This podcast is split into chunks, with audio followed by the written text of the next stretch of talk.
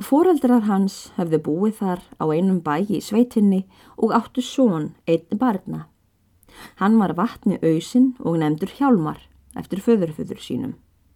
Sveitnin ógs og dapnaði vel og rann upp sem fívill í túnni og var bæði fríður sínum og skýr vel og heldu allir að hann myndi verða laukur ættar sinnar þá er hann þróskaðist.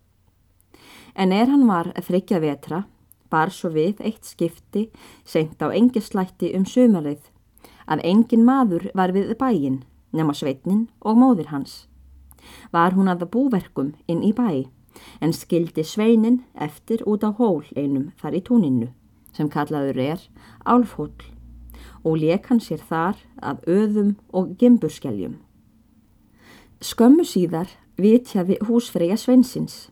Var glókollur sonur hennar þá horfin af holnum, en þar komin aftur piltur, svartur á háralitt og skeggjaður á högu. Hann var líkur á stærð því sem sonur hennar hafði verið, en allur var hann ófrítni og ilgjulegri. Var Hjálmars glókolls leitaði lengi, en hann fannst aldrei. Þeim hjónum þótti súrt í brotið um sonarkvarfið og vissu að sonur þeirra hefði heitlaður verið. En ólu þó upp svein þennan og nefndu hann hjálmar eftir hinnum og var hann snemma styrður og óþjálgur og varð ekki að manni. Þetta var hinn sami sem mér höfum frá sagt að kallaður var hjálmar tutti. Ekki hafi hjálmar anríki mikill á staðnum Þó var honum ætlaður, sá starfi, að bera út ösku og sækja vatn ef stóru nöðsin var að hendi og vann hann það alla jafna með nutti og af nöðung. Korn skildi hann mala hvern dag úr skálnokkuri er tók sex merkur en ógjarna endist honum þó dagur til að afkasta þessu ætlunarverki sínu og kvartaði hann sífelt um anríki og ánýðslu ef hann var kvattur til nokkurs handarviks. En það var honum ærið að frátafa samt möluninni er hann hafði að mörgu að higgja. Fyrst og fremst að gæta þess að engin annar en hann er þið aðunjótandi skopnapottarins í hvert skipti sem eldað var. Og þessu næst varð hann að vera allstaðar þar sem nokkurs fengjar var að von, bæði í búri og eldhúsi. Nú þótt að tutti kvorki væri mikil bæjar príði eður störf hans væru til mikillar stóðar fyrir búsér að sigvalda, hafði þó prestur meiri nót af honum en margan myndi grunna.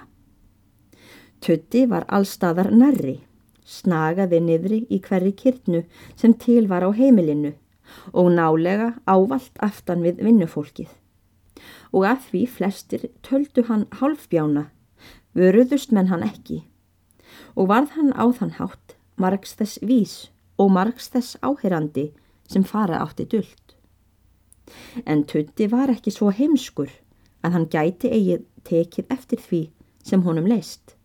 Og með því hann hafði komist á snóðurum að presti geðjaðist allir vel að því að honum væri sagt frá hínu og þessu sem miði bara á heimilinu og lengt átti að fara. Var hann í nokkurs konar kærleikum hjá sér að sigvalda og þó heimulega því hann gatt oft vonum framar greinilega skýrt presti frá ímsu er hann hafði séð og hirt og þáði jafnan nokkur laun fyrir en til þess voru allir revarnir skornir fyrir tutta. Þannig sama dag sem prestur og Guðrún áttu tal saman og við fyrir skömmu höfum frásagt komu gestir nokkrir að stað og er þess ekki getið hverjir það voru. Þeir dvöldu þar til þess fram um kveikingu en fóru síðan. Var prestur enn fram í stofu og stóðu ljós á borði. Tutta hafi þann dag ekki tekist sem greiðast möluninn. Sat hann allan daginn á palli og gambraði við griðkonur. En er tókaði líða fram á vökunna rak ráðskona hann ofan og bað hann nú draga af sér slensíuna og mala úr skálinni. Ella myndi hann ekki mat hafa það kvöld. Ekki fór hjálmar orðalust til mölunarinnar, en þó varð svo að vera sem ráðskona vildi.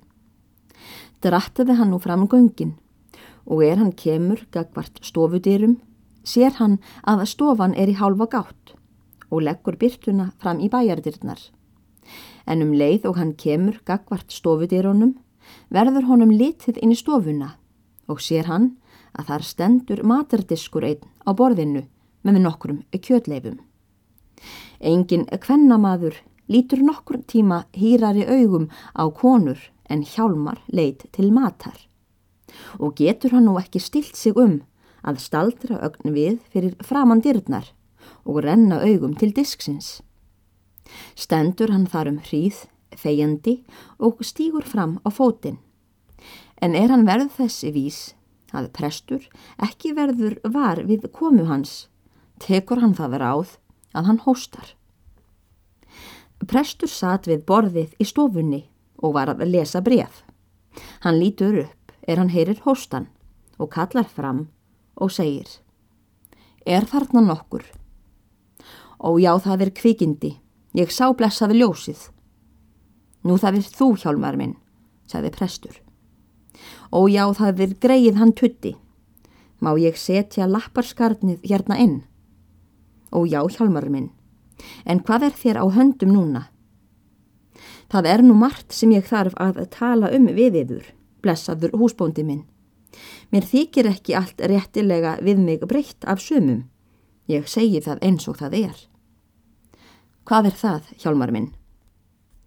Það er nú fyrst um skopnapottin. Ég man ekki betur en þér segðuð og hafið sagt að engin ætti að hafa hann nema ég, þegar grautur er gjörður. Og því þykist ég eiga hann með öllum rétti og verð að lýsa þá þjófa að honum sem ræna mig pottinum. Ég skil ekki það sé réttvísi að það megi ekki standa sem þér hafið talað. Það getur verið, sagði prestur hálflægjandi, að ég einhverju tíma hafi sagt að mér þætti sangjarnt að þú fengir hann, eða færðu hann ekki, hjálmar minn. Misprestur ætla ég verði á því. Má ég setja lapparskarnið inn fyrir þrepsköldin Já, ég vildi mælast til þess að þér hlutuðust til þess að ég mætti halda skopnapottinum, revja og afdráttur löst. En það er ekki til neins, þó ég nutti og söði um það, mér er ekki gengt. Ég hef nú í dagstæða tvo sólarringa ekki séð svo mikið sem naglsrótar stærð af skóf. Í fyrrakvöld var bíuð trippan hún sigga búin að krafsa alla skóna úr honum. Svo ekki voru eftir nema baugarnir utan með. Og í gær voru hundavargarnir búnir með alla lífstilveru úr honum. Og var það að því ég gæti ekki undir eins við snúist að taka hann þegar búið var að skamta en bátt er manni að vera allstaðar í sömu andráni og ekki mátti það, hiskið, gjura svo mikið að láta mig vita af svo ég gæti tekið hann þann varast það eins og glóandi eld að gjöra manni nokkuð til greiðveiknis. Hiskið hérna.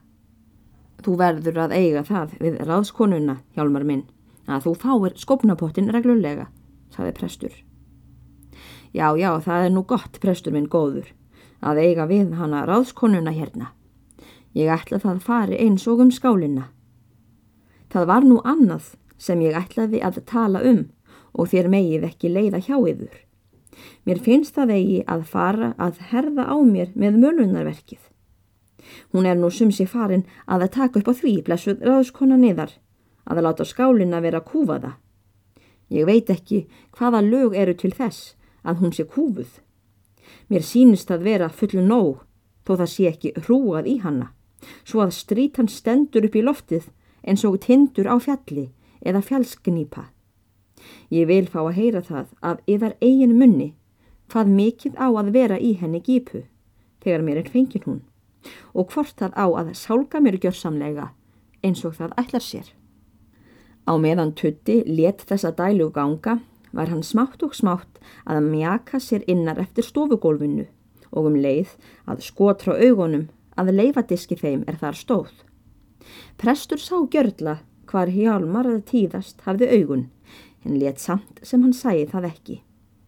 En eftir því sem Hjálmar farði snær, þess starfsýtna tók honum að verða á diskin og loks getur hann ekki stilt sig lengur og segir Á, já, já, eitthvað sínist mér blessaður húsbóndin eiga fallegt fyrir framann sig núna.